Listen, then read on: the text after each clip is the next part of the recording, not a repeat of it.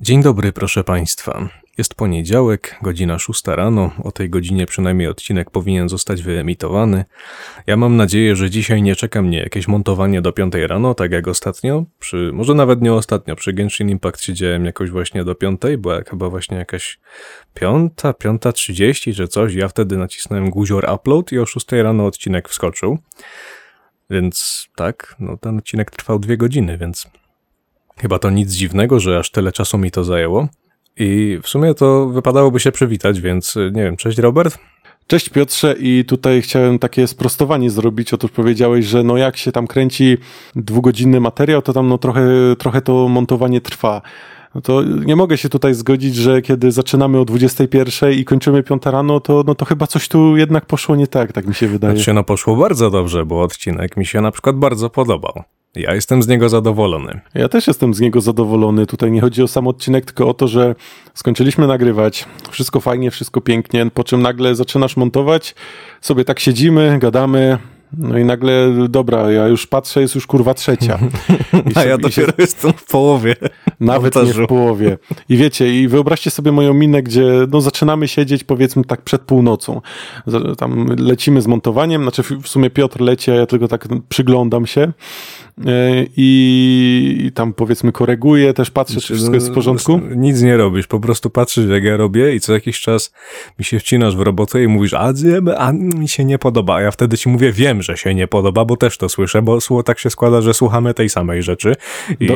no, no tak, no mów tak. Dobrze, dobrze powiedz, Dobrze, powiedzmy, że weźmiemy twoją wersję. W każdym razie chodzi o to, że wiecie, zaczynamy montować, po czym nagle no mija jakiś tam okres czasu, nie zwracacie na to uwagi, po czym nagle, no dobra, no już troszeczkę tutaj siedzimy. Która to jest godzina? Nagle kurwa trzecia, tak?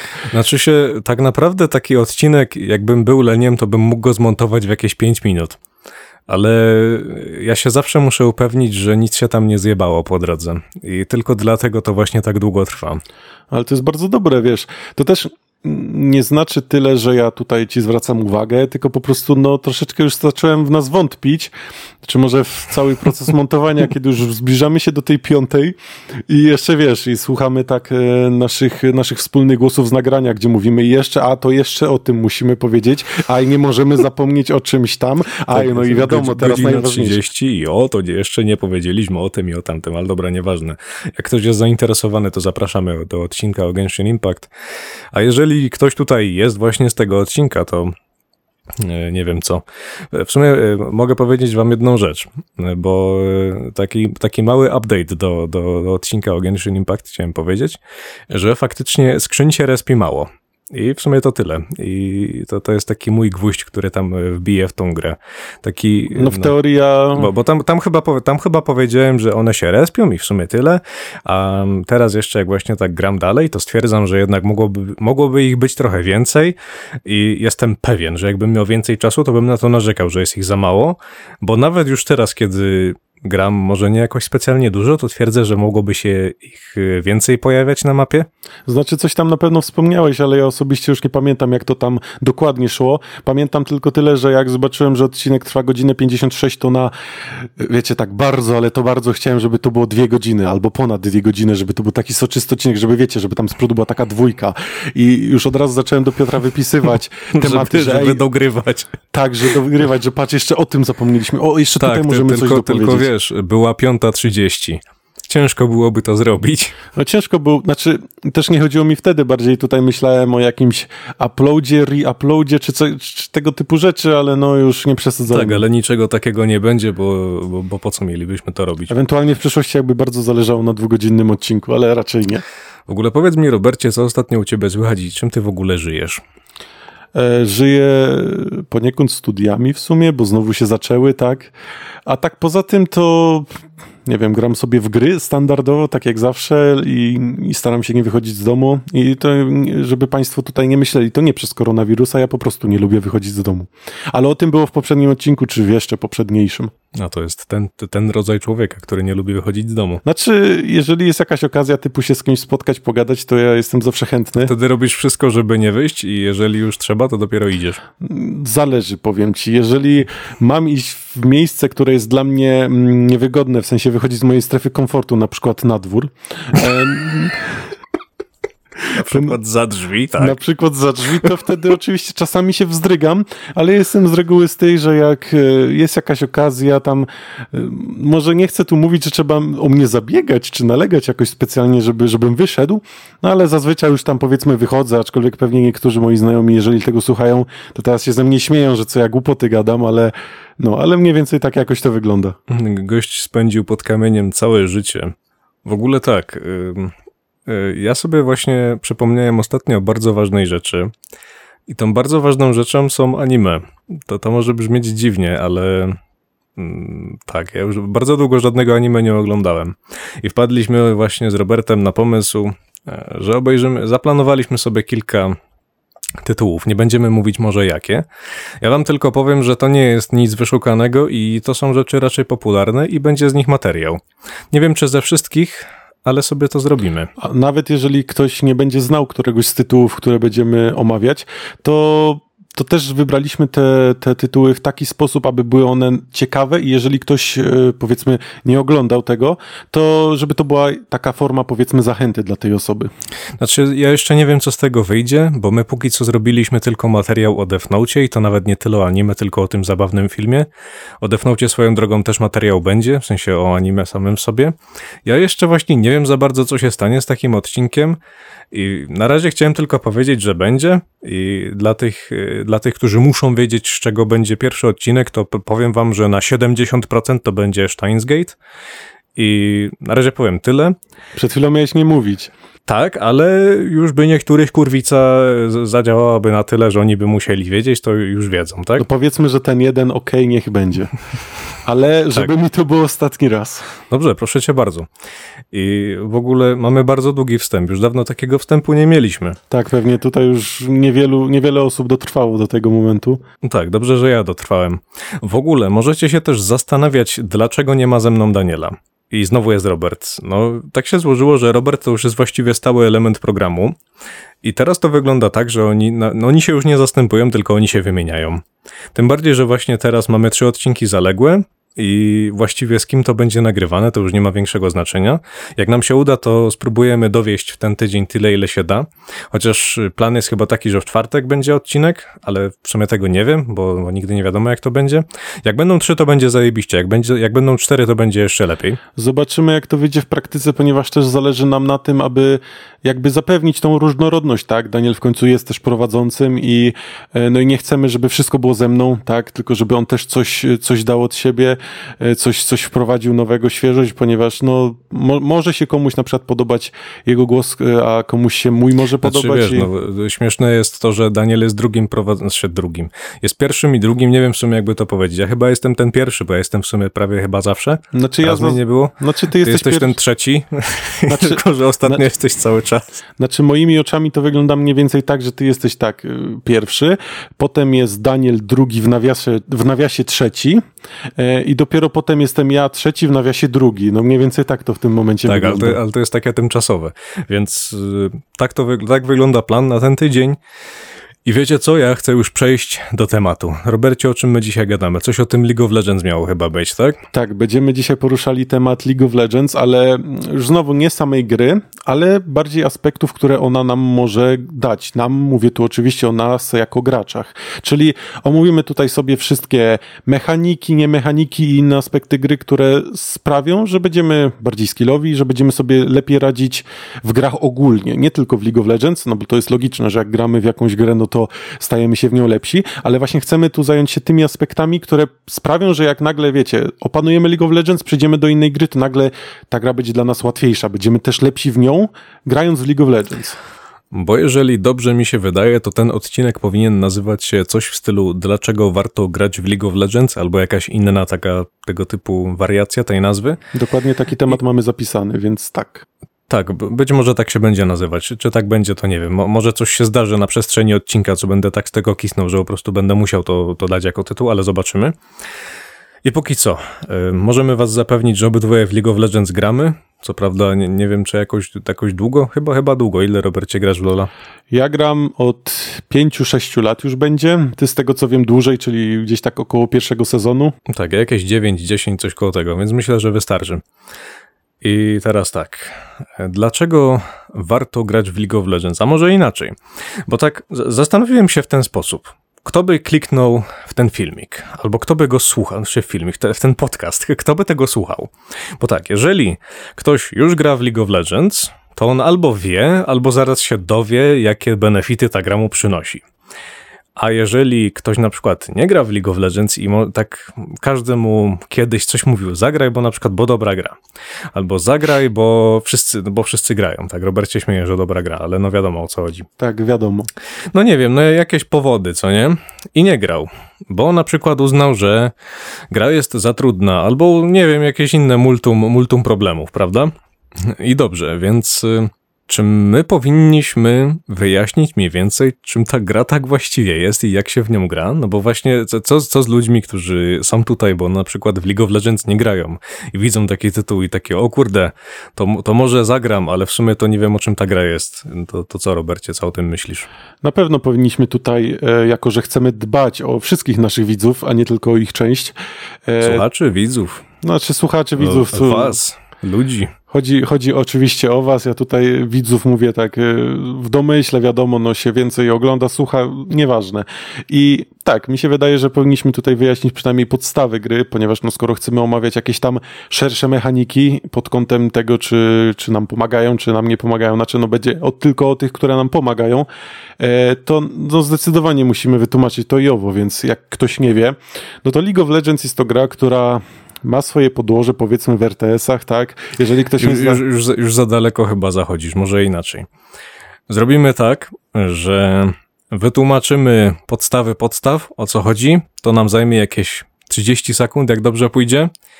I jeżeli potem będzie nam coś potrzebne, żeby to przytoczyć jeszcze bardziej, to, to wyjaśnimy to jeszcze lepiej. Co ty na to, Robercie? No dobrze, mi się wydaje, że jest to uczciwa, uczciwy pomysł.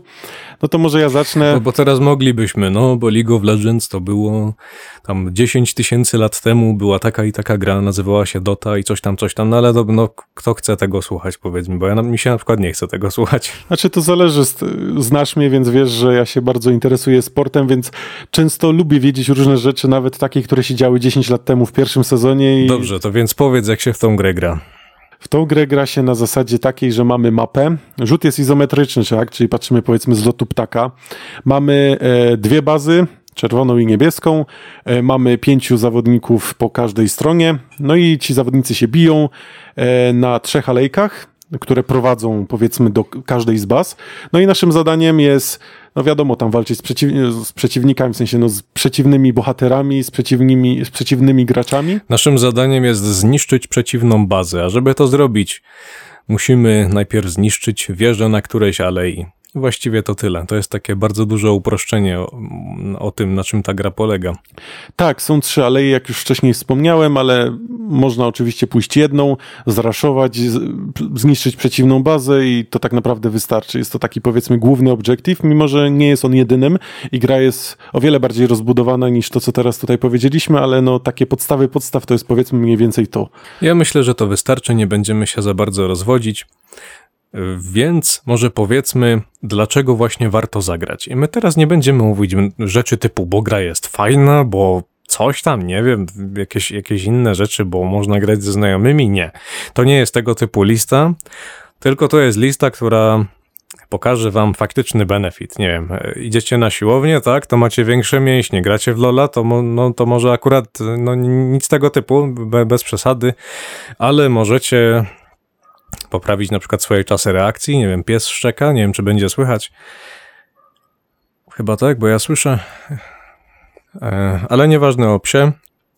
Robercie, bo my mamy listę, prawda? Przygotowaliśmy sobie niewielką listę. I co jest na jej szczycie? Co, może nawet nie tyle na szczycie, tylko co jest na pierwszym punkcie. Na samym szczycie naszej listy mam zapisane coś takiego jak oczy w dupie. E, I nazwa ta oczywiście jest, e, jest napisana przez nas, dla nas, ale już, już śpieszę z wytłumaczeniem o co chodzi. Oczy w dupie. E, Przez to e, rozumiemy wszystkie aspekty gry, które powiedzmy sprowadzają się do obserwacji rzeczy, które się dzieją na ekranie, wiecie. Lecą w was różne rzeczy, wy musicie tych rzeczy unikać. Musicie po prostu być gotowi na to, że w każdej sytuacji może się stać coś, czego nie będziecie spodziewać się. Na przykład, że ktoś wam wyskoczy. Może, może nawet inaczej.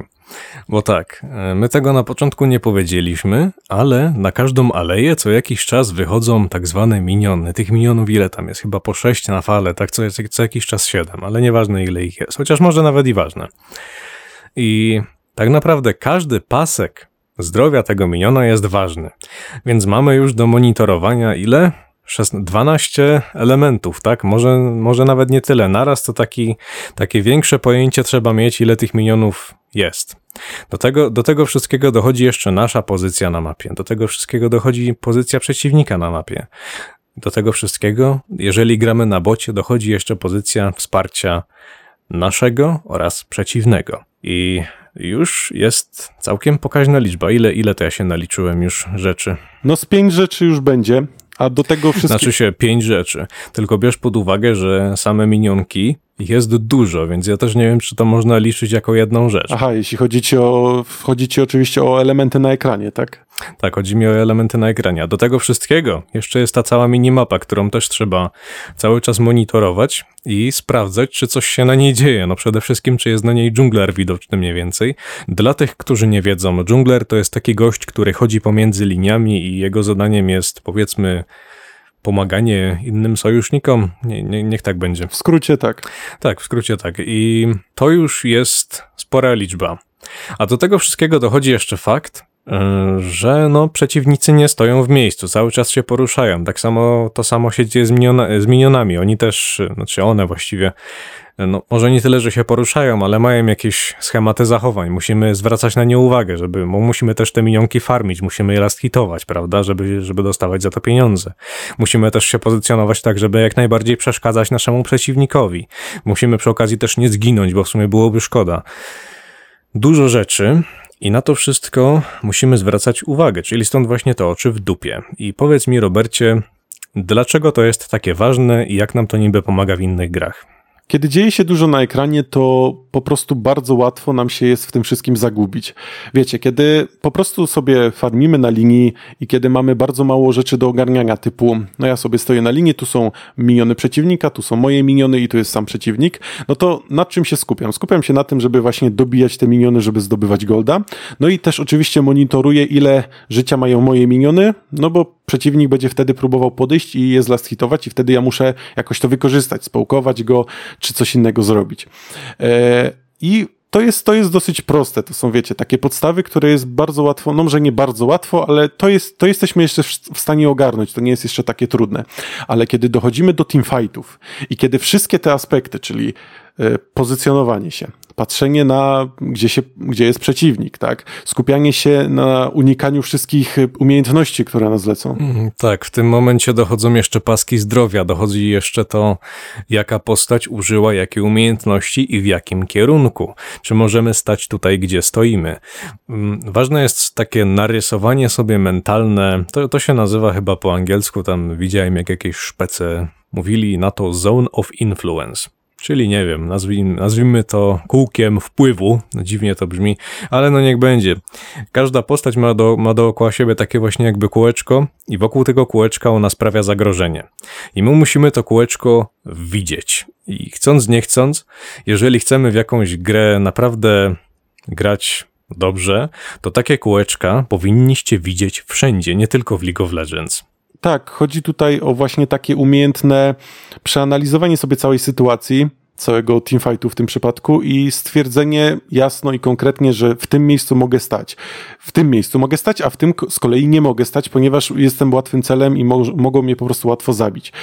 I bardzo waż, ważne jest do tego wszystkiego właśnie posiadanie tych oczu w dupie, o których wspomnieliśmy, żeby móc tego wszystkiego unikać, ponieważ uwierzcie, ci co grają w Lola to wiedzą, ale ci co nie wiedzą to powiem wam, że uwierzcie, bardzo łatwo jest zgubić się w teamfajcie. Co to znaczy zgubić się w teamfajcie? No właśnie to, że powiedzmy, no zaczyna się walka i nagle wy, wiecie, jesteście asasynem i musicie zdjąć przeciwnego damage dealera. No i e, no nie chcę tutaj nazywać go Edikerem, ponieważ on nie jest głównym damage dealerem, ale no nie o to chodzi. Czy no zależy, czasami się zdarza. Czasami się zdarza w jakiejś wyjątkowej grze, gdzie masz team, ale, no, ale rzadko. I no i wiecie, skupiacie się na tym i bardzo łatwo w tej sytuacji jest tak mocno skupić się na swoim celu, że wiecie, macie taką bańkę wokół siebie, takie klapki na oczy i nie jesteście w stanie nic więcej zauważyć. I jeżeli nie jesteśmy doświadczonym graczem i jeżeli nie mamy tych umiejętności, to bardzo, ale to bardzo łatwo jest właśnie, żeby taka sytuacja nam się przytrafiła, że po prostu wchodzimy i nagle nie zauważamy masy rzeczy, które się wokół nas dzieją i nagle giniemy. I my praktycznie wręcz nie zauważyliśmy, co się stało. Mieliśmy plan, wchodzimy i nagle coś nie pykło. Dobrze, i teraz okej. To jest przykład żywcem wyjęty z League of Legends, tak? Więc pr- spróbujmy go przenieść do jakiejś innej gry. Ostatnio był materiał o Hadesie, był materiał o Genshin Impact, to może o tych grach. I teraz powiem wam w ten sposób. W Genshin Impact jest e, mechanika dodżowania. Tam chyba pod prawym przyciskiem e, myszki, jeżeli ktoś gra na PC, właśnie jest, jest dodge. No to bardzo przypomina e, tego dodge'a z Dark Soulsów, więc jeżeli ktoś gra w Dark Soulsy, nie, nie grał w Genshina, to już wie o czym mówię. I dodżowanie w Genshinie jest mega proste.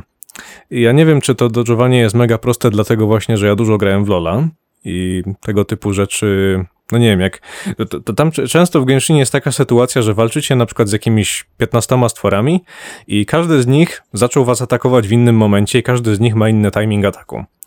I unikanie tych wszystkich rzeczy, które, bo tam wiecie, niektórzy biją was z bliska, niektórzy z daleka, niektórzy tylko do was idą, prawda, no bo muszą do was dotrzeć, jeszcze inni właśnie gdzieś tam napieprzają z jakichś tam 10 metrów, z 5 metrów.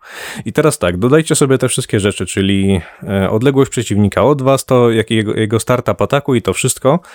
I łatwo jest się w tym zgubić właśnie, jeżeli ktoś nie ma tych oczu w dupie. No Robercie, mo- może, może ty powiedz, co ty o tym sądzisz, bo według mnie w Genshinie prosto się unika tych wszystkich ataków. Dla ciebie na pewno jest to proste, dla mnie również też, ponieważ y, przyzwyczajenia z Lola są takie, że tam jest o wiele, wiele więcej elementów, które, na które musimy zwracać uwagę. Tu, w Lolu musimy mieć bardzo szerokie pole widzenia, żeby właśnie nie stała się taka sytuacja, o której przed chwilą powiedziałem, czyli że nagle się tak zapatrzyliśmy w tego jednego przeciwnika albo w ten jeden punkt na ekranie, że nagle nic nie widzimy wokół nas i to bywa zgubne, nawet dosyć często.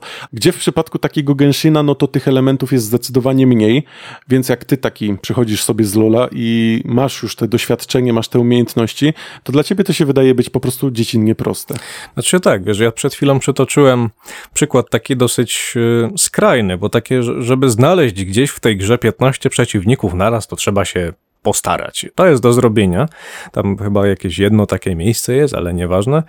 I na ogół tam je- jest, to, jest tych przeciwników o wiele mniej, więc faktycznie y, może Genshin to na, nawet nie wiem, czy to jest dobry przykład, wiecie, bo mm, wydaje mi się, że akurat to jest rzecz, do której może jakoś to, to, to doświadczenie z League of Legends się nie przydaje aż tak bardzo, ze względu właśnie na to, że tych ataków unika się łatwo. No chyba właśnie, że zaraz się okaże, że my się mylimy i wcale tak nie jest. I większość ludzi ma z tym faktyczny problem. Ale to jest Genshin.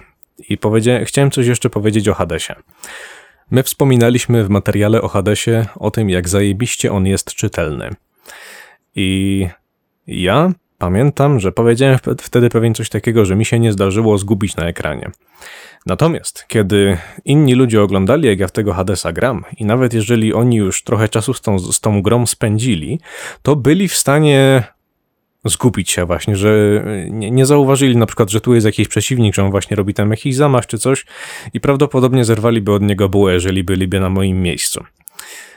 I tutaj akurat jestem pewien, że w takich grach szybkich, typu właśnie hack and slash czy coś, y, jest na pewno to doświadczenie z League of Legends przydatne. Też jest przydatne głównie dlatego, że powiedzmy, jeśli chodzi o wygląd, czy też o mechaniki działania tych gier, to są one dosyć podobne, tak? Mamy rzut, powiedzmy, izometryczny i no i no nie oszukujmy się, tak? Mechanika poruszania postaci, czy dodżowania pewnych rzeczy, w, jak i w Hadesie, jak i w League of Legends są po prostu do siebie podobne. Znaczy, no wiesz, brakuje mi trochę w League of Legends takiego dodża jak w Hadesie, przydałby się. Tak, ale wiesz dobrze o co mi chodzi. Po prostu chodzi No mi o tak. takie chodzenie i jest to podobne, więc powiedzmy, gdzie w Genshinie faktycznie mamy rzut z trzeciej, znaczy rzut może nie rzut, tylko po prostu mamy kamerę, kamerę. kamerę. z, trzeciej, e, z trzeciej osoby, no to jest to zupełnie coś innego niż w przypadku League of Legends. Ale kiedy już przejdziemy na Hadesa, no to tutaj już podobieństw jest o wiele więcej. Ja myślę, że byśmy się takich podobieństw doszukali w wielu grach. Wiesz, te, te, tak właśnie tego typu rzeczy, takie patrzenie w kilka miejsc naraz. Mo, może właśnie no, nawet nie tyle patrzenie, no bo każdy człowiek ma jakieś tam ograniczone ilość, ograniczoną ilość elementów, które może śledzić i tak dalej, i tak dalej. No ale ewidentnie grając w League of Legends możemy to y, możemy tą ilość zwiększyć i nawet nie tyle, że je monitorujemy, co właśnie jesteśmy świadomi tego, w jakim one są stanie. Nie wiem, to może być wszystko. Na przykład, jakbyśmy grali w StarCrafta, to możemy się patrzeć w kilka miejsc na mapie, na mapie jednocześnie. Możemy robić y, multum rzeczy, tak? Ja też grałem w StarCrafta i w sumie potwierdzam, że tak jest. I bardzo cieszę się, że użyłeś tutaj słowa, no może nie słowa, tylko stwierdzenia, że musimy patrzeć w kilka miejsc na ekranie naraz.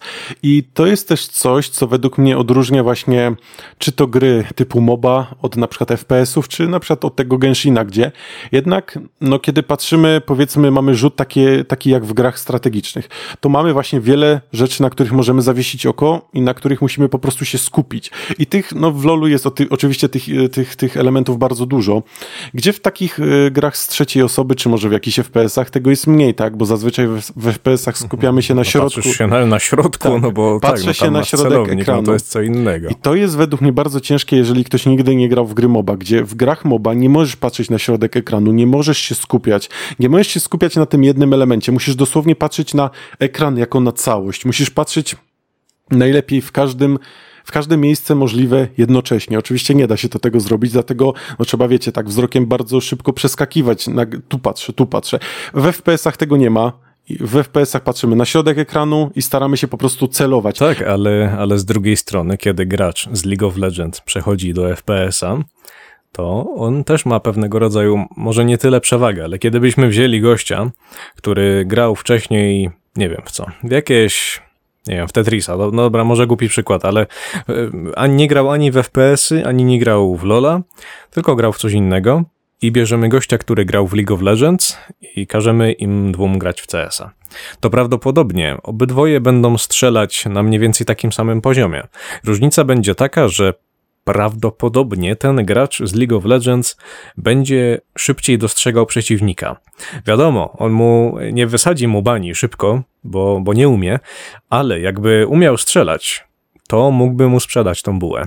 I oczywiście też nie próbujemy tutaj jakby mówić, że FPS-y to są jak dla jakichś nieudaczników, dla ludzi, którzy nie potrafią patrzeć czy coś, ponieważ ktoś tu pewnie by mi wytknął y, ten błąd, którym w sumie błędem nie jest. Po prostu chodzi nam o fakt, że w grach typu MOBA, które stricte wywodzą się z y, gier strategicznych, tych elementów jest znacznie więcej. I nawet jeżeli w, FP, w FPS-ach musimy też skupiać się na innych rzeczach, prawda? No, na przykład powiedzmy, patrzymy się w jeden róg, na przykład w CS-ie, wychylamy się, no i patrzymy w środek ekranu, a nagle przeciwnik nam wyjdzie gdzieś z krawędzi ekranu, no to oczywiście, że profesjonalny gracz go zauważy, więc jakby ten aspekt również jest. Po prostu nam chodzi o fakt, że grając w League of Legends jesteśmy w stanie, wiecie, wymasterować takie aspekty do, no, do maksimum i kiedy nagle przejdziemy do innej gry, to możemy mieć po prostu z górki, możemy mieć łatwiej, a zaadaptować się do nowych warunków i, no, i nauczyć się grać w dosyć szybkim czasie. Ale dobrze, to jeszcze nie wszystko, no bo wiadomo, oczy w dupie się przydają. Swoją drogą, z oczami w dupie są też powiązane inne rzeczy, no bo tak, skoro widzimy coś, tak, to musimy na to zareagować. A w jaki sposób zareagować? No musimy wcisnąć na myszce coś, no bo, tak, no bo tak się steruje w League of Legends. I myślę, że z tego momentu możemy przejść do kolejnego aspektu, który mamy omówić, czyli co tam chyba było? Mechaniczne umiejętności i poruszanie postacią, tak? Tak, Może umie- nawet nie, nie, nie tyle poruszanie postacią, co ogólny movement. Tak. Bo wiadomo, że movement y, w CS-ie, a movement w League of Legends to są dwie różne rzeczy, bo robi się to inaczej, ale jako, ale jako takie tempo gry, na przykład z LoL'a do StarCrafta jest zajebiście łatwo przenieść. Tak, chcemy się teraz skupić o umiejętnościach tak zwanych mikro, ponieważ y, też później będziemy mówili o tych drugich umiejętnościach, czy umiejętnościach makro, ale o, o tym potem. Y, I tak, y, czym są te umiejętności mikro? Umiejętności mikro to są powiedzmy wszystkie te umiejętności takie mechaniczne, czyli to, że wy po prostu klikacie dobrze w klawiaturę, dobrze strzelacie, nie wiem, jak gracie w Overwatchu jakimś Genjim, to tam dobrze się daszujecie, jesteście celni, w ogóle latacie jak małpa i, i wszystkich zabijacie, tak? Czyli po prostu jesteście, no, skillowi, tak? Jak ktoś widzi takiego gracza, to od razu sobie myśli, że on dobrze gra. I Tak, i w League of Legends to połączone właśnie z movementem, z tym jak my się poruszamy, potrafi e, być bardzo wymagające, no nie, nie da się ukryć. Tak, i mi się wydaje, że większość ludzi mm, dobrze gra mechanicznie, tylko właśnie brakuje im przede wszystkim tych oczu w dupie. I o ile oczywistym jest, że powiedzmy nauczenie się grać w grę, wiecie, mechanicznie, jakąś trudną postacią zwłaszcza, jest dosyć wymagające. I nie trzeba tego nikomu mówić, nikomu, nikogo przekony, przekonywać, że, że tak jest, bo to po prostu widać, tak? Widać na pierwszy rzut oka, że ktoś gra dobrze i, i że ktoś gra źle. Tego naprawdę, no mówię, nie trzeba nikomu tłumaczyć. Ale jeśli chodzi o sam movement, o to, to się też poniekąd wiąże z tym, jak na przykład my się pozycjonujemy na linii w League of Legends, ponieważ znowu, jeżeli ktoś nie wie, no to jesteśmy sobie powiedzmy na tych alejkach, jesteśmy załóżmy na midzie, jesteśmy jeden na jednego. No to to jak my się poruszamy jest bardzo ważne, ponieważ nie tylko jakimiś daszami, tak jak na przykład w Hadesie możemy unikać skillshotów przeciwnika, skillshotów, czyli wiecie, tych, co gościu strzela i wy możecie tego uniknąć, tylko właśnie samym chodzeniem. To się nazywa w LoLu sidestep, czyli po prostu zwykłe klikanie myszką, poruszanie postacią tak, żeby unikać unikać wszelakich właśnie pocisków, które w nas lecą. Tak, i tego typu rzeczy bardzo często przydają się znaczy tego typu rzeczy, no tego typu movement. Mo, może, nie, może nie stricte jeden do jeden z League of Legends, bo każda gra ma swój rodzaj movementu.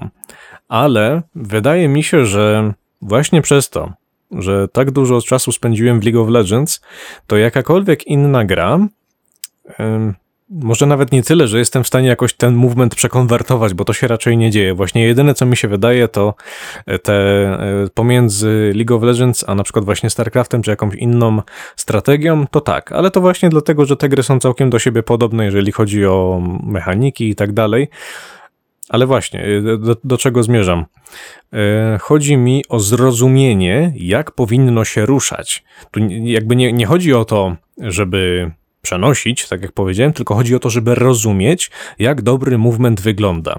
Wy widzicie, jaką trajektorię mają skillshoty, widzicie, jak się na przykład zachowują granaty w jakiejś grze, nie, nie wiem, cokolwiek i wy, przez to, że graliście kiedyś w Lola, to wy możecie mieć pomysł na jakąś zupełnie inną grę. Tylko dlatego właśnie, że macie takie analityczne myślenie. Dobra, powinienem się ruszać mniej więcej tak. Tak, ponieważ w tych wszystkich aspektach, które będziemy dzisiaj omawiać, najważniejsze jest to właśnie analityczne myślenie, czyli to, że wy potraficie zauważyć pewne powiązania nawet z różnych gatunków gier, gdzie tutaj właśnie mamy movement, który też jest często powiązany właśnie z pozycjoningiem, e, z tym jak my jesteśmy ustawieni e, i, i bardzo łatwo jest nam to przenieść chociażby do takiego CS-a, gdzie e, no chociażby nie wiem, załóżmy też nie grałem w CS-a, więc nie chcę tutaj wychodzić na jakiegoś eksperta, którym nie jestem. Grałeś w Valoranta, to może się o Valorant no to powiedzmy choćby taki movement, wiecie, kiedy na przykład chcecie, mm, nie wiem, szczekować po prostu, czy ktoś się nie wychyla, tak? No to też macie na przykład takie, że wiecie, że się wychylacie troszeczkę i wracacie, nie? No to na przykład to też można podpisać właśnie po to, gdzie jesteście ustawieni w dobrym miejscu i robicie krótkie ruchy, wiecie, lewo, prawo i sprawdzacie, czy nie ma przeciwnika i to też jest bardzo ważne, jak ktoś po prostu się na pałę wychyli, żeby sprawdzić, czy ktoś tam jest, no to dostanie banie i koniec. Ale jeżeli właśnie znamy ten trik z tym, z tym takim lekiem, że wychodzi, wychylamy się i nagle cofamy się, to nawet jeżeli przeciwnika nie zauważymy, no to na przykład on strzelił, bo nas tam zauważył. Ale my zdążyliśmy się już schować i w ten sposób wiemy, że on tam jest, ale nie wyszliśmy jak baran po prostu na pełen i nie daliśmy się zabić. I to jest też taki przykład i założę się, że w wielu innych grach również mamy podob- różne tego typu podobieństwa, gdzie pozycjonowanie się połączone właśnie z konkretnym, e, może zachowaniem się, jeśli chodzi właśnie o konkretnym typem, typem poruszania się, może dać właśnie bardzo duże efekty i w League of Legends również jesteśmy w stanie się takiego czegoś nauczyć.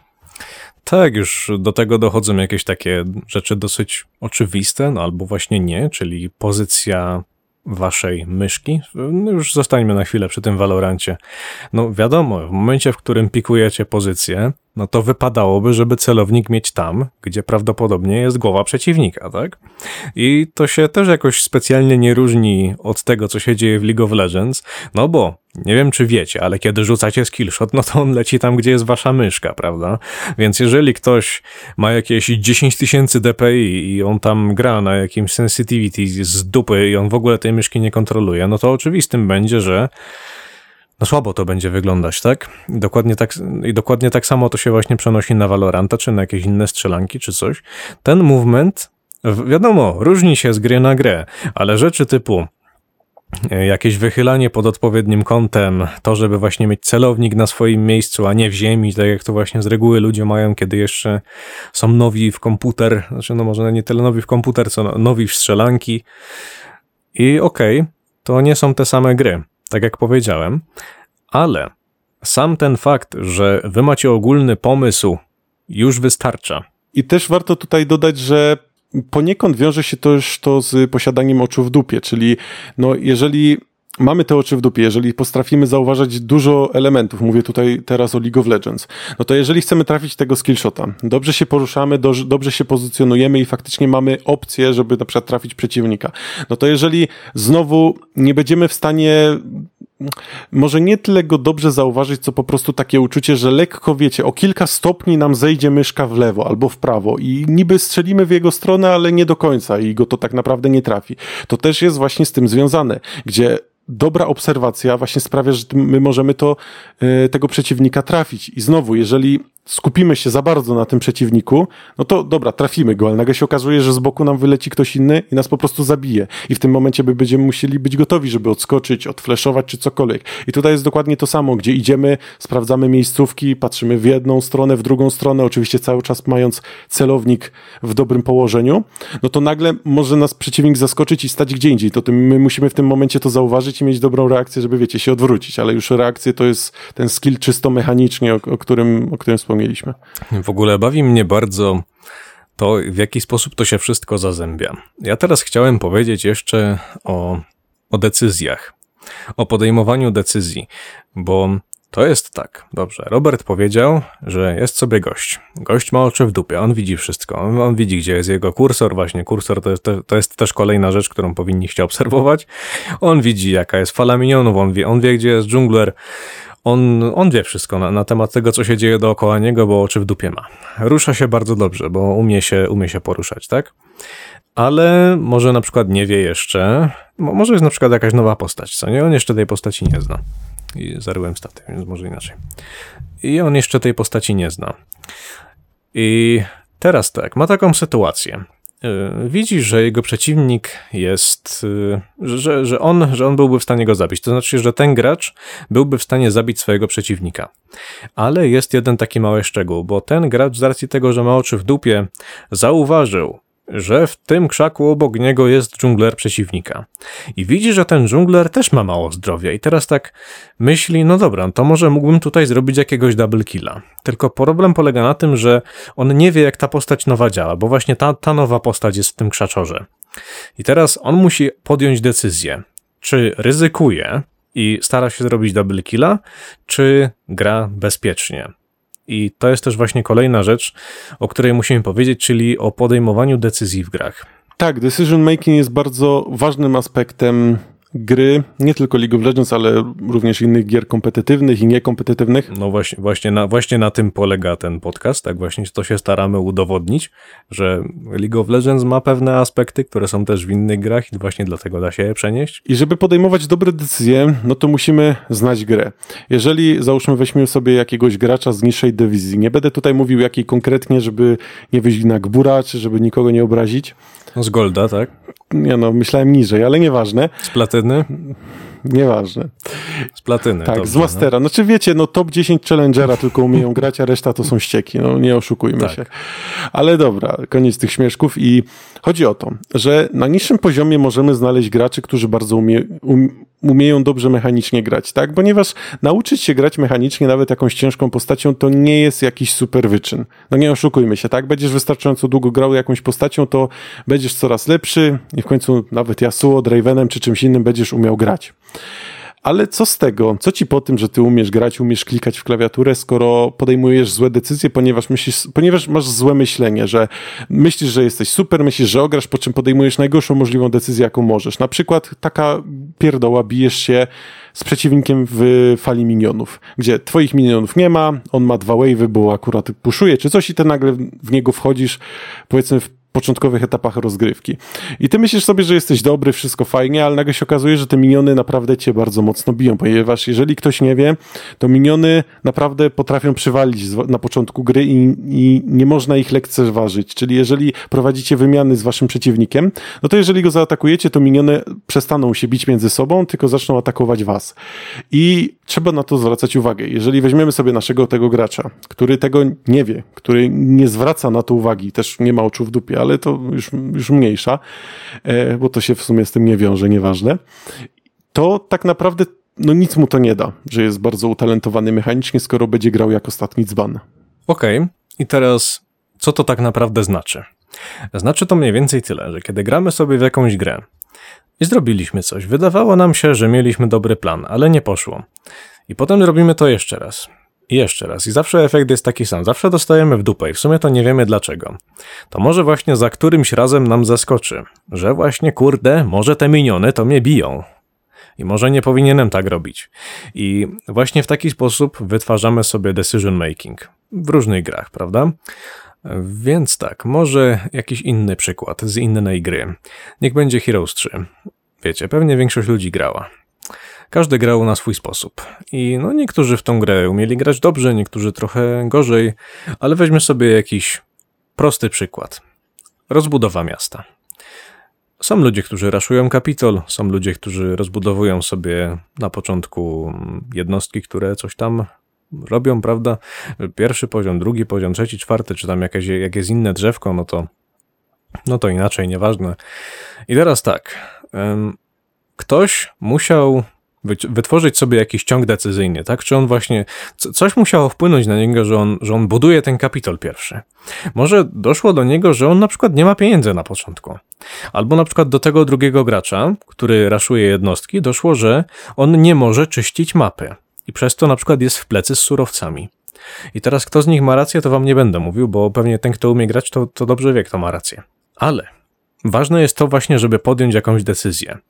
I to, czy wy potem będziecie tej, przy tej decyzji trwać, no to już jest inna sprawa. Mo- może was gra przekona do tego, że wasza decyzja jest do dupy. I potem zaczniecie jednak budować te jednostki zamiast kapitol. Ale jeżeli wy będziecie przy tym kapitolu trwać i będziecie właśnie tym Yasuo, który przez 10 lat ma Silvera, boginię od minionów, no to sprawa wtedy jest troszeczkę bardziej skomplikowana, powiedziałbym, i wtedy chyba nawet dużo granie w League of Legends nie pomoże. I dlatego bardzo ważnym aspektem jest to, żeby uczyć się na swoich błędach, żeby nie grać na pałę i żeby umieć wyciągnąć coś z tego wszystkiego. No ale żeby to zrobić, to potrzeba nam kolejnej bardzo ważnej e, umiejętności, czyli analizowania. I też oprócz analizowania swoich własnych błędów, musimy w takim League of Legends e, analizować ruchy, czy tam ruchy, czy też zachowania przeciwnika. No bo załóżmy sobie taką sytuację, że jesteśmy sobie na linii, E, I nasz przeciwnik, no wiadomo, tam jest wszystko w porządku. I nasz przeciwnik, powiedzmy, gra w pewien sposób. Wiecie, CS-uje, czy tam, czyli tam dobija miniony. Znaczy, żeby było prościej, powiedzmy, że jest na przykład agresywny, tak? No tak, na przykład powiedzmy, że jest agresywny, wiecie, stara się nas cały czas cisnąć. I nagle zauważamy sytuację, w której on dziwnie zaczyna być defensywny. I wtedy mogą być różne sytuacje. Może być na przykład fakt, że pojawił się w okolicy nasz jungler. I no i podejrzewamy, że może być tam po prostu Warda, no i dlatego się cofnął. Ale może być to również sytuacja, czy też znak dla nas, że hmm, mój jungler, mojego junglera tutaj nie ma. On jest w ogóle na topie, załóżmy. Czyli w teorii, no, w teorii on nawet wręcz widzi, że mój jungler jest gdzieś indziej, więc skoro teraz cały czas grał agresywnie, to w tej sytuacji tym bardziej powinien tak robić. A on jednak tak nie robi. No i Piotrze, dlaczego? Dlaczego on tak robi? Może tak robić właśnie tak jak mówisz z wielu powodów, ale to już właśnie nam ocenić jako gracz, dlaczego on tak robi. I tylko poprzez właśnie wielokrotne granie danego poprzez przez wielokrotne da granie danego, danej gry, będziemy w stanie tego typu rzeczy zauważać. Bo to, że ty właśnie zacząłeś wymieniać, co on tam może robić, to to jeszcze tak naprawdę nie wymieniłeś masy innych rzeczy, które się tam mogą dziać. I to, jaką my decyzję podejmiemy na bazie tych informacji, które my posiadamy, to jest tylko No to, to, jest, to jest właśnie tylko nasza decyzja, bo tam się mogło zdarzyć wszystko. Ty mogłeś widzi, gdzieś widzieć dżunglera na wardzie przeciwnego, ty mogłeś go właśnie nie widzieć, on się może w ogóle nie pokazał na mapie przez ostatnie dwie minuty, więc cholera wie, gdzie on jest. Na przykład może być też tak, że akurat kupiłeś jakiś item i ty jesteś po prostu silniejszy od tego gościa, który cię cały czas cisnął, więc z uwagi na to, że on nie jest idiotą, no to nie ciśniecie dalej, bo by przegrał. I tak można, ja tutaj mogę teraz tak stać i wymieniać przez jakieś trzy minuty jeszcze, albo i dłużej, powody, dla którego tak się mogło zdarzyć, bo jeszcze nie uwzględniliśmy tego, jakie są postacie i tak dalej, i tak dalej, i tak dalej. I to jest właśnie bardzo ważna rzecz, Robercie, no bo tego typu rzeczy, takie analityczne myślenie, łatwo się potem konwertuje w inne gry, bo znaczy, może, może nawet nie. To się łatwo konwertuje w gry, które gramy z innymi graczami, bo o tyle, o ile to się jest, to jest to ciężko przekonwertować na przykład właśnie w Heroesy, no bo tam potwory, no wiecie, no, no, no nikt was mindgameował nie będzie w Heroesach raczej, no chyba, że nie, nie, wiem, nie wiem jakby to mogło wyglądać, jakiś zajebiście długi mecz na XLC czy coś tam, no nieważne, no, ra, raczej się to nie zdarza, ale no kiedy gracie z komputerem, no to komputer was nie mindgameuje, no on po prostu robi to, co ma w algorytmie, tak? A kiedy gracie z ludźmi, to wtedy dopiero tego typu rzeczy widać i można to w jakiś sposób wykorzystać. I właśnie analizowanie zachowań przeciwnika pozwala nam dojść do pewnego schematu, czyli e, zauważeniu tego, jak on grał, powiedzmy, przez dany okres czasu i nagle to zmienił. I w tym momencie nasze doświadczenie, nasz skill powiedzmy taki makrogamingowy, czyli po prostu nasza wiedza na temat gry, pozwoli nam to przewidzieć, co on może zrobić. I właśnie to jest w tym wszystkim najważniejsze. Umiejętność przewidywania, co przeciwnik może robić na podstawie tego, jak się do tej pory zachowywał. Ten nasz przeciwnik się zaczął nagle cofać, no to tak jak już Piotr powiedział, może to oznaczać, na przykład w danym momencie jesteśmy silniejsi, bo na przykład wbiliśmy Erkę, a on jeszcze tej Erki nie ma. I najważniejszym w tym wszystkim jest to, żeby właśnie próbować na takich, powiedzmy, zachowaniach ograć przeciwnika, czyli przewidywanie, tak? Jeżeli nasz przeciwnik nagle idzie do tyłu, możemy przewidzieć, że na przykład jest tu dżungler. A ponieważ jest tu jungler, no to on chce nas, wiecie, zbejtować. I najważniejsze jest w tym wszystkim, żeby nie dać się zbejtować. Tylko jeżeli przez całą grę nie zwracaliśmy uwagi na to, jak nasz przeciwnik się zachowuje, no to w tym momencie nie, nie, widzimy w tym nic podejrzanego, ponieważ nie zmienił on dla nas swojego stylu gry, ponieważ my nie zwracaliśmy na niego przez ten cały czas uwagi. Tak, i akurat stricte ta rzecz, ta z mindgameowaniem tyczy się właśnie tylko gier multi, bo ciężko jest ją przypiąć gdzieś faktycznie do jakiejś innej gry, bo ze świecą szukać dobrego AI w grach, które naprawdę stara się nas zrobić w chuja, tak kolokwialnie mówiąc. Może by się coś znalazło, ale teraz nie jestem w stanie sobie niczego przypomnieć. I na przykład w takich grach typu CSGO, Valorant czy coś innego też możemy zauważyć schemat w zachowaniu się przeciwnika. Na przykład, że on zawsze kampi w tym samym miejscu, ale albo na przykład jak to jest Valorant, to jakieś tam e, pułapki rozstawia zawsze w tym i w tym miejscu. Oczywiście też to jest w, w kwestii przeciwnika, żeby on na przykład się dostosowywał, żeby nie był aż tak schematyczny, tylko żeby to zmieniał, ponieważ będzie w tym momencie łatwy do ogrania. I zarówno ty jako gracz musisz uważać na to, co robi przeciwnik, ale on też musi uważać zarówno na to, co ty robisz, ale też uważać na samego siebie, żeby nie, nie być zbyt powtarzalnym, ponieważ w tym momencie jest zbyt łatwy do ogrania. I jest jeszcze jedna sprawa, o której nie powiedzieliśmy, z takich ważniejszych, i będzie to granie makro. Było już granie mikro, czyli właśnie te wszystkie takie wygibasy na klawiaturze i na myszce, a granie makro to jest, czy, czy ja mogę powiedzieć, że to jest wszystko inne? Tak naprawdę te oczy w dupie i to właśnie patrzenie się wszędzie i podejmowanie decyzji to jest trochę takie granie makro. Tak, jest to granie makro i gry typu MOBA, takie jak właśnie League of Legends czy Dota, jak wiemy, wywodzą się z RTS-ów. No a w RTS-ach również makro jest bardzo ważne, ponieważ tam więcej myślimy. Znaczy, może teraz wiem, wiem, że w StarCraftie bardzo tam się dużo na klawiaturze klika i też to jest powiedzmy no, ale też skillowe. Musisz umieć, gra- umiesz, no, ale... musisz umieć grać makro mimo wszystko, no tak. Tak, ale bez wiedzy na temat gry i bez tego, co musisz zrobić na samo klikanie w klawiaturę, nic ci nie da. I w League of Legends jest troszeczkę podobnie, jak właśnie tu powiedzieliśmy. Yasuo może bardzo umieć grać, może bardzo dobrze umieć grać mechanicznie, ale co z tego, skoro podejmuje złe decyzje, ponieważ nie wie, jak powinno się grać. On na przykład nie zwraca uwagę y, na, nie zwraca uwagi na te miniony, które stoją i które mogą go tak naprawdę No zabić. nie wiem, wie- wiesz, ta, tam może być multum rzeczy, to jakieś takie podstawowe y, elementy, to co? Zabiliśmy wszystkich? Gdzie jesteśmy? Na midzie? To co robimy? Idziemy na przykład na barona, tak? Y, Wiemy na przykład, że, że dwie wieże na midzie są spuszowane i więc zanim my w ogóle dojdziemy do wieży inhibitorowej, to oni się już zdążą zrespić, coś tam, coś tam, coś tam, coś tam. Okej, albo inna sprawa. Widzi, jesteśmy dżunglerem, widzimy, że przeciwny dżungler zrobił smoka, my jesteśmy po drugiej stronie mapy, to robimy heralda i tak dalej, i tak dalej, to się tak... Jest, jest masę rzeczy, które właśnie można by teraz stać, siedzieć, wymieniać, ale no po co to robić? Bo to, to właśnie nie chodzi o to, żeby... e, Może powiem tak, niektóre z nich to są schematy, a niektóre nie.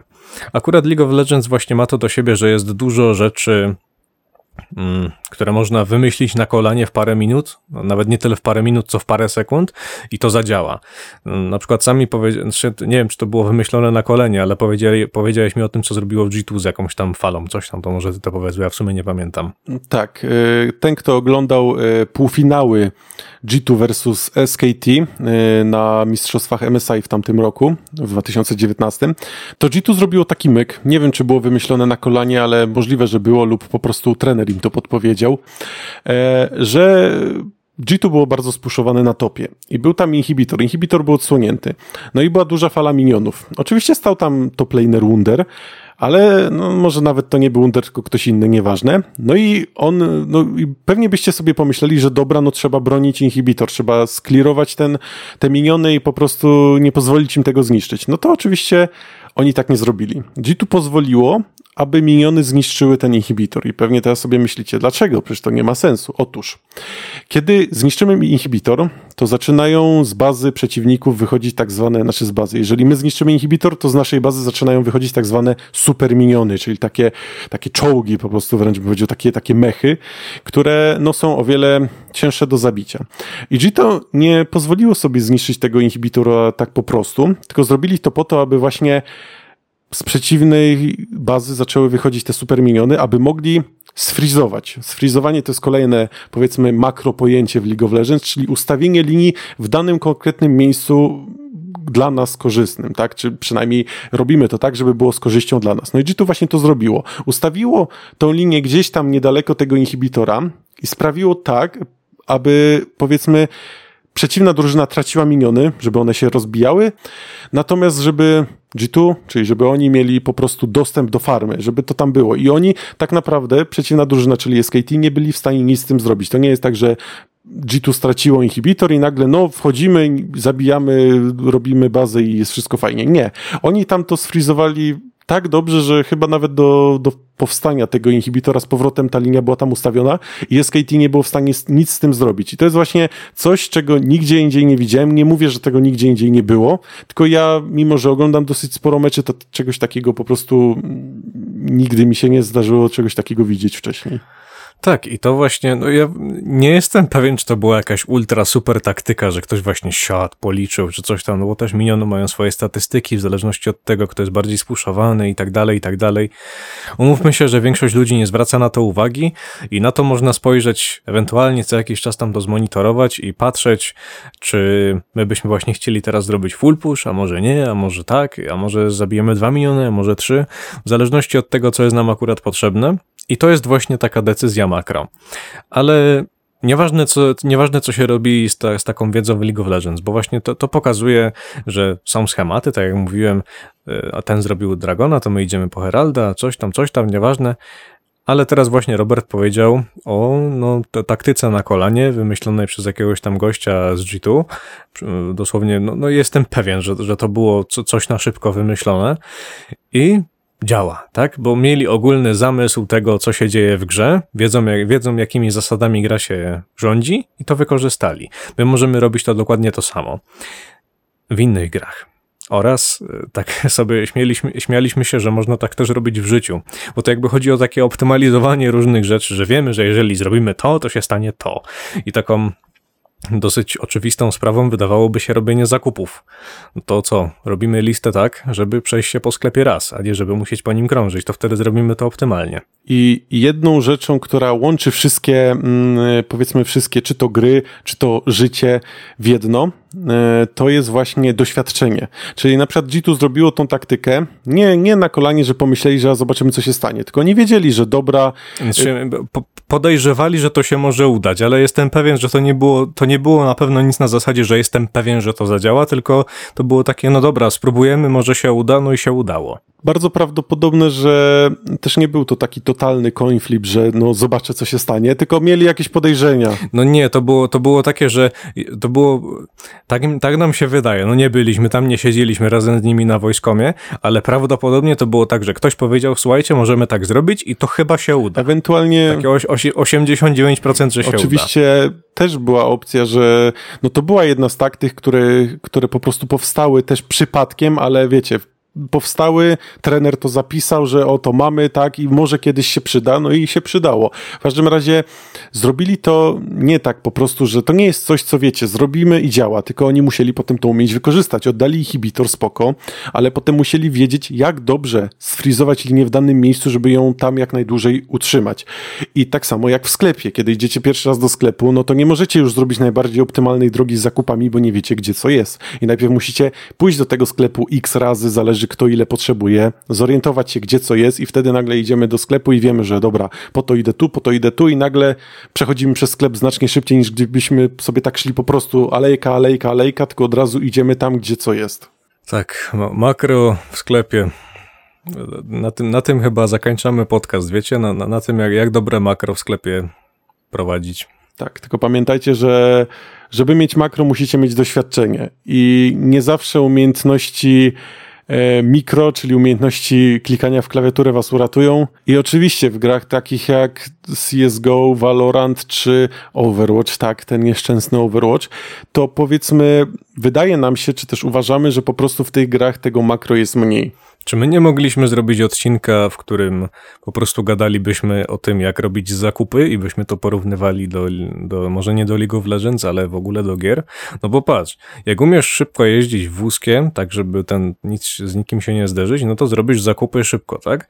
Jak umiesz zoptymalizować sobie trasę, to zrobisz jeszcze szybciej. I teraz jakby tak mieć dwóch graczy, w sensie no, nawet nie tyle graczy, tylko dwóch zakupowiczów, jeden umie szybko jeździć, drugi umie, umie sobie zaplanować, to kto zrobi szybciej? Bo to jest trochę tak, jakby, jakby obydwaj mieli Silvera, ale, ale w innych aspektach. Tak, i trochę ciężko jest tutaj stwierdzić, ponieważ wydaje mi się, że jeżeli gościu by nie umiał w ogóle operować wózkiem, to ten, który operuje nim bardziej, ale za to jedzie na pałę, dałby sobie chyba ra radę lepiej, tak mi się coś wydaje. I można to właśnie zauważyć w sytuacji, gdzie na niższym poziomie, jak dużo osób, powiedzmy, ma te braki, no to powiedzmy tutaj mecha mechaniczny skill wygrywa. I dopiero kiedy przechodzimy na wyższy poziom, gdzie ktoś ma i mechaniczny skill, i jeszcze umiejętności, no, znaczy umiejętności, wiedzę na temat gry i umie grać makro, Wie, wie jaki jest sklep. to tak? dopiero wtedy łącząc to wszystko jest w stanie ograć tego, tego gracza. No jeżeli weźmiemy sobie powiedzmy analista, jakiegoś, wiecie, head coacha na przykład, dajmy na to, i on, on wie o tej grze praktycznie tyle samo, co gracz, albo może nawet jeszcze więcej wie, no bo w końcu jest trenerem. Ale jeżeli weźmiemy go, damy do gry na challengerze, to on najprawdopodobniej sobie nie poradzi, ponieważ gra, o ile trenerzy coś tam w tego Lola grają, ale wiadomo mniej, bo nie na tym polega ich praca, no to coś tam sobie grają. I zazwyczaj nie mają oni jakichś wysokich rang, że jak jest trenerem, to od razu no on wie wszystko na, te, na temat tej gry, to on musi mieć challengera. Otóż tak nie jest, ponieważ kiedy jeszcze Jankos był e, w drużynie H2K, to był tam trener, który się nazywał Proli. E, Teraz Proli potem wyjechał do, do, do Ameryki, tak, do, po prostu stracił wszystko, honor i pojechał do tej Ameryki. I po teraz jest coś tam casterem czy analistem po prostu dla Riot Games, pracuje w telewizji, można by tak to powiedzieć. No i kiedyś e, ktoś u Jankosa na streamie napisał, żeby zrobił duo z Prolim. No i oczywiście Jankos powiedział, że nie może zrobić duo z Prolim, a dlaczego? Ponieważ Proli miał platynę wtedy. No i sobie pomyślicie, że jak to? Profesjonalny trener i ma tylko platynę? No otóż właśnie nie samą wiedzą właśnie e, gra się w Lola i nie samą wiedzą gra się w życiu, Nie, nie, nie samą wiedzą gra się w gry, tak, można tak powiedzieć. Dlatego tak, jeżeli ktoś ma wiedzę, ale nie ma umiejętności, to jestem w stanie stwierdzić, w sensie umiejętności mechanicznych, to jestem w stanie stwierdzić, że ten z tymi umiejętnościami go po prostu pokona. Ale jeżeli ten z wiedzą nadrobi, dobrze, Ro, Robercie, ty się, ty się za bardzo rozwodzisz nad gościem, który robi zakupy.